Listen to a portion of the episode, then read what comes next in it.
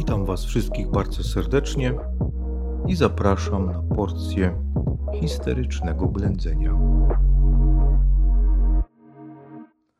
Witajcie. Dzisiaj czeka nas kolejna daleka wyprawa, ponieważ przenosimy się do Azji, a w tym odcinku konkretnie do Indii, czyli Indie w okresie średniowiecza. Troszeczkę przypomnimy o Indiach starożytnych, ale naprawdę troszeczkę. No i później niestety w takim bardzo wybiórczym, telegraficznym skrócie przedstawimy sobie dzieje Indii średniowiecznych. Oczywiście no, tu mocno zaznaczam, że będzie to taki, no niestety tylko skrót, nawet chyba nie najważniejsze wydarzenia, nie? No bo tu w dwudziestu kilku minutach trzeba by było opowiedzieć o bardzo długiej i skomplikowanej historii. Ale wobec tego nie przedłużajmy tylko do rzeczy, czyli Indie. Warto podkreślić, że w Azji mamy bardzo dużo różnego rodzaju kultur, różnego rodzaju ludów na różnym poziomie rozwoju. W Azji Centralnej będą to głównie ludy koczownicze, w Azji Wschodniej będą to oczywiście jeszcze Chiny, Japonia, do nich w oddzielnych słuchowiskach przejdziemy. Nas interesuje to, co będzie miało miejsce, wydarzenia, które będą miały miejsce na południu Azji, na Półwyspie Dekańskim, czyli w Indiach. Warto podkreślić, że z punktu widzenia geograficznego takie historyczne Indie są znacznie rozleglejsze niż dzisiejsze terytorium państwa Indie. Mianowicie te Indie historyczne obejmują poza Półwyspem Dekańskim, czyli tymi Indiami właściwymi, obejmują jeszcze tereny dzisiejszego Pakistanu, dzisiejszego Afganistanu, dzisiejszego Bangladeszu, Nepalu, prawda, gdzieś tam sięgając aż po Birmę na wschodzie. Bardzo rozległy teren. Zresztą nawet te najbardziej takie charakterystyczne cywilizacje Indii kojarzone ze starożytnością, one w zasadzie skupiają się wokół do, czy w dolinie rzeki Indus. Nie? Gdybyśmy dzisiaj spojrzeli na mapę, są to tereny leżące głównie na terenie Pakistanu. Czyli pamiętajmy, ten taki kulturowy obraz Indii jest znacznie większy, ten historyczny obraz Indii jest znacznie większy niż terytorium dzisiejszego państwa Indie. W Indiach ta cywilizacja ludzka od starożytności rozwija się na bardzo wysoki poziom. Tutaj można powiedzieć, że te cywilizacje, te państwa, miasta, one są na bardzo podobnym poziomie, może nawet i na wyższym poziomie, jak te spotkane przez nas w Europie czy też na Bliskim Wschodzie. Największe piętno na tej starożytnej historii Indii odcisną Ariowie. Ariowie, czyli koczownicy z północy, którzy najechali Indię, następnie zostali w tych Indiach, już przynieśli ze sobą takie najbardziej rozpoznawalne cechy kultury Indii, które dzisiaj z Indiami nam się też kojarzą. Między innymi język, czyli sanskryt, przynieśli religię i filozofię, czyli tak zwany wedyzm, nie? system religijny oparty na księgach objawionych Wedach, prawda? Wedy, te księgi to Wedy, no i stąd wyewoluuje nam hinduizm, prawda? Przynieśli też system kastowy, który no, pomimo, że w Indiach jest już zakazany, ale wiemy wszyscy, że obowiązuje tam nadal. Te kasty w starożytności i w średniowieczu zwiemy warnami. Oni przynieśli również konie, przynieśli również ze sobą znajomość wytopu żelaza itd. Tak itd. Tak Z wedyzmu, tak jak wspominaliśmy, wyrodzi się nam hinduizm i również druga wielka religia mm, Indii, czyli buddyzm. O hinduizmie i buddyzmie tak troszeczkę będziemy jeszcze sobie mówić. Te religie się nam tutaj będą przewijać, będzie się to tutaj wszystko przeplatało, prawda? Dość powiedzieć, że hinduizm, czyli taki klasyczny politeizm, mm, czyli system wiary w wielu bogów, buddyzm, no chyba niepodobny do żadnej innej religii występującej na Ziemi, czyli tutaj nie mamy takiego wyodrębnionego pojęcia Boga jako jakiejś osoby. Nie? Tutaj bardziej to przypomina taki kult tego Boga jako siły natury. Zresztą nie chcę się tutaj mocno zagłębiać, bo głupot naopowiadam i, i, i tyle z tego będzie, prawda? Y, w czasach Persów i w czasach Aleksandra Wielkiego Indie mają polityczną łączność z Bliskim Wschodem, czyli w wyniku podbojów perskich, w wyniku podbojów Aleksandra Wielkiego, Indie zostają włączone w ten duży taki konglomerat państw, które obejmują swoim zasięgiem również Bliski Wschód. I to będzie w zasadzie jedyny, jedyne dwa razy w historii, kiedy te Indie politycznie będą związane z Bliskim Wschodem. Część Indii, o może tak, właśnie ta Dolina Indus, Indusu, e, ten Afganistan, tereny Pendżabu, Kaszmiru, te tereny, Półwysep Dekański e, zdecydowanie nie.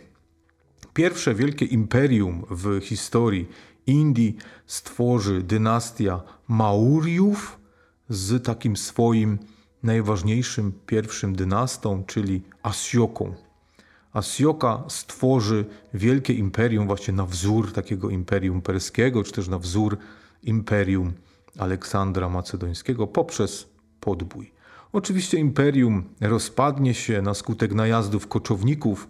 Tutaj to jest taka powtarzalność historii, prawda? że powstają w różnych rejonach świata imperia i następnie upadają na skutek najazdów jakichś niżej kulturowo mm, klasyfikowanych ludów. To jest pewnego rodzaju prawidło. Między IV a VI wiekiem powstaje tutaj kolejne imperium, łatwo zapamiętać imperium Guptów, dynastii Guptów.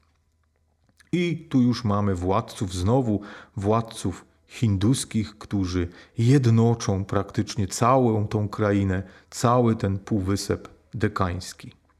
Oprócz dynastii Guptów w tym okresie będzie jeszcze tutaj panowała dynastia Harsza. Gdzieś tak do końca VII wieku, prawda, kontynuując te tradycje imperium Guptów. Od VIII do IX wieku, raczej między VIII a IX wiekiem, wkracza nam na tereny Indii islam, a dokładniej rzecz biorąc, Arabowie dokonują podboju północno-zachodnich krańców Indii, czyli właśnie wspomnianych tych rejonów Afganistanu, mm, Kaszmiru, Pendżabu. W 1175 roku niejaki Mohammad z Gór, jest to władca Afganistanu, przedstawiciel ludów tureckich, Pamiętajcie, że Turcy to nie tylko te ludy, z którymi Europejczycy mają do czynienia. Nie? Turcy zaliczani są do ludów turkmeńskich. Te ludy e, rozprzestrzeniały się z tej Azji Centralnej w różnych kierunkach, między innymi w kierunku Indii. Oczywiście będą się rozprzestrzeniać już jako ludy muzułmańskie, jako ludy islamskie. Nie są Arabami, ale przez tych Arabów wcześniej podporządkowani, zdobywszy sobie samodzielność, właśnie te ludy afgańskie pod przewodnictwem Mohammada z gór w 1175 roku wkraczają do północnych Indii. Rozpoczyna się podbój pozostałych ziem Hindusów. W 1193 roku Mohammadowi udaje się opanować Delhi. Delhi dzisiaj, jak i wtedy właśnie zostało uczynione stolicą tego nowego imperium. W 1199 roku zostaje e, podbity Bengal mm, i można powiedzieć, ludy turkmeńskie rozsiadają się na Półwyspie Dekańskim już bardzo mocno i bardzo wygodnie. Co ciekawe, muzułmanie tolerują hinduizm, ale jednocześnie zakazują buddyzmu. Tu z tą religią no, nie doszło do jakiegoś porozumienia, natomiast hinduizm pod panowaniem islamskim, można powiedzieć, odżył. On wcześniej na terenie Indii tracił wyznawców bardzo szybko na rzecz buddyzmu, Natomiast paradoksalnie to panowanie islamskie, czy też to panowanie władców islamskich, te prawa przez nich wydawane, spowodowały taki renesans hinduizmu, wzmocnienie, znaczne wzmocnienie hinduizmu i cały czas hinduizm pozostanie główną religią Indii. Nie? W imieniu Mohammada z gór Indiami zarządza jego namiestnik. E, tu uwaga, namiestnik nazywał się Kutb ud-Din Aibak. Udało się. I wyobraźcie sobie, że ów Kutb ud-Din Aibak w 1206 roku po śmierci swojego pana Mohammada z gór usamodzielnia się, czyli zakłada mm, swoje własne państwo. Jest urzędnikiem władców afgańskich, natomiast wykorzystuje w początkach XIII wieku sytuację zamieszania dynastycznego i zakłada własne państwo. I to państwo będzie znane w historii jako Sultanat Delhi, a sam właśnie Kutb ud-Din Aibak jest pierwszym sułtanem Delhi. I on daje początek kolejnemu już imperium na terenach Dekanu. Tym razem będzie to właśnie imperium pod rządami islamu. Do roku 1331 sułtanat Delhi podbija prawie cały dekan. Nie? Czyli tu ci władcy hinduscy zwani maharadżami zostają wszyscy praktycznie podporządkowani nowemu władztwu. Oczywiście to nie oznacza, że mm, znikają. Nie? Tu e, jest dokładnie, pamiętajcie, na świecie w owym okresie średniowiecza gdzie byśmy nie spojrzeli, w zasadzie z drobnymi wyjątkami, panuje bardzo podobny ustrój feudalny, czy też ustrój oparty na systemie feudalnym, czyli ci maharadżowie jako tacy wasale zazwyczaj zostają pozostawieni u władzy jako lokalni książęta, przedstawiciele lokalnych elit, lokalnych możnych. Wkrótce sułtanat rozpada się na skutek właśnie tych feudalnych kłopotów, jakie w każdym e, rejonie świata, gdzie feudalizm wystąpił, również te kłopoty musiały się pojawić. Nie? Czyli to rozdrobnienie feudalne, te tendencje do rozsadzania tych państw od wewnątrz dają o sobie znać i ten sułtanat nam się w toku XIV wieku rozpada. Mamy oczywiście sułtanat Delhi, na południu mamy tak zwane państwo Bahmanidów, czyli również islamskie, czyli jest to również sułtanat, sułtanat Bahmanidów. Obydwa sułtanaty ulegają w ciągu historii dalszym rozdrobnieniom feudalnym. Pod koniec XIV wieku, bo w 1398 roku tym panowaniem mm, właśnie islamskim zatrząsł Tamerlan. Tamerlan pojawił się już tutaj w opowieściach, on z rejonów Afganistanu, z tymi swoimi ludami mm, mongolsko-turkmeńskimi, bo to jest potomek, daleki potomek Chingishana, prawda, rozpoczyna kolejny etap mongolskich podbojów i zjawia się również i w Indiach. Dokładnie w 1398 roku złupił straszliwie stolicę sułtanatu Delhi, czyli same miasto Delhi. Na całe szczęście Tamerlan szybko umrze i to państwo się rozpadnie. Oczywiście na całe szczęście dla tego, tych sułtanatów prawda, na, na, na, terenie dekanu. I jako taki Tamerlan zbyt dużo namieszać nie zdoła, prawda, tutaj w tej, e, w tej historii.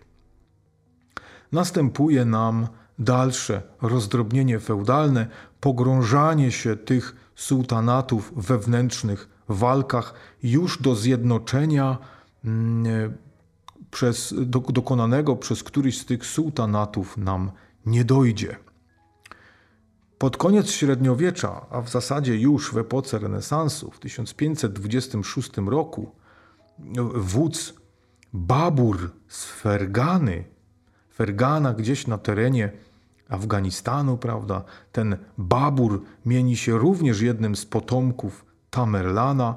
On rusza w kierunku Indii na kolejną falę podbojów. Prowadzi ze sobą znowu te ludy turkmeńsko-mongolskie i rusza właśnie na bogate równiny Dekanu. Babur z Fergany. On pokona ostatniego sułtana, ostatnich władców właśnie Delhi i założy jedną z najsławniejszych dynastii, która będzie rządzić Indiami, a mianowicie dynastię wielkich Mogołów. Tu pamiętajcie, nie Mongołów, tylko wielkich Mogołów. Nie? Lub też można mówić po prostu Mogołów. I oni będą rządzić Indiami aż do XVIII wieku, czyli równolegle z pojawieniem się Europejczyków, równolegle z przejściem Indii pod władztwo brytyjskie, cały czas przedstawiciele tej dynastii będą e, na terenie Indii władać. Oczywiście to jednoczenie Półwyspu Dekańskiego, to jednoczenie Indii, czy też podbijanie, kolejne już podbijanie Indii przez mm, wielkich Mogołów będzie procesem długotrwałym.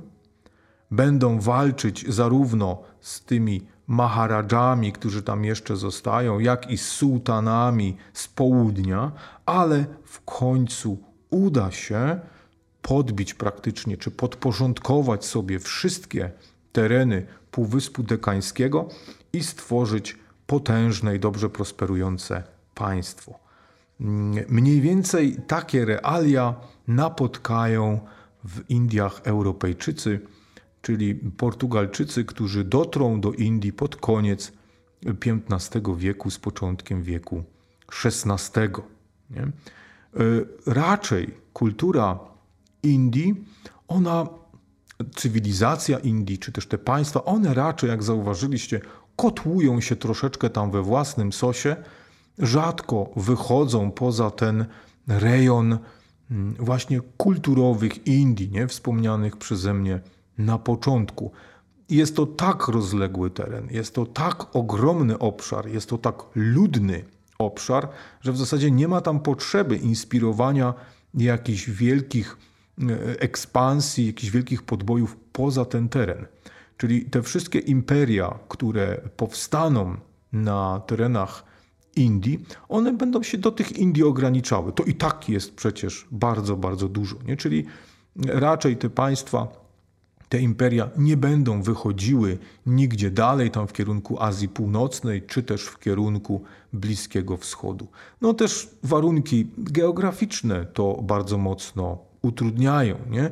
Na północy to będą Himalaje, na e, zachodzie to, będzie, to będą e, góry Karakorum, czyli też tak prawie że wysokie jak Himalaje, Hindukusz i tak dalej, i tak dalej.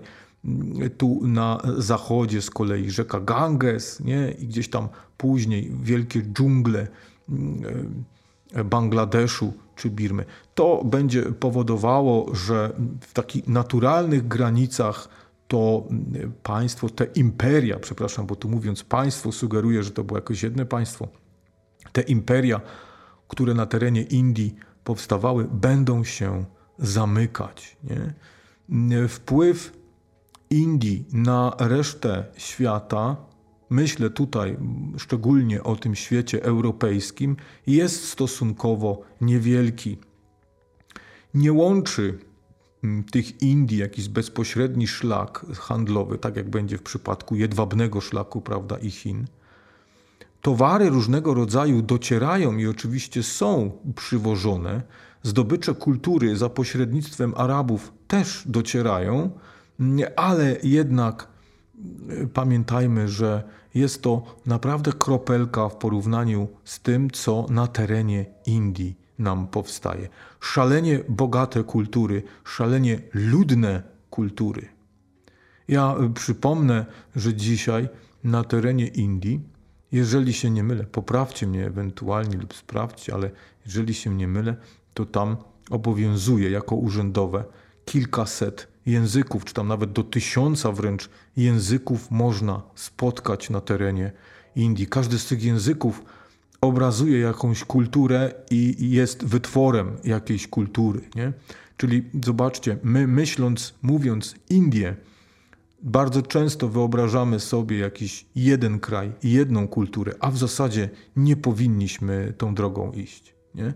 Tutaj zazwyczaj, i historia też to pokazuje, zazwyczaj chodzi o pewien zlepek, o, pewien, o pewną taką mnogość różnych ludów, różnych kultur, które te Indie historyczno-geograficzne zamieszkują.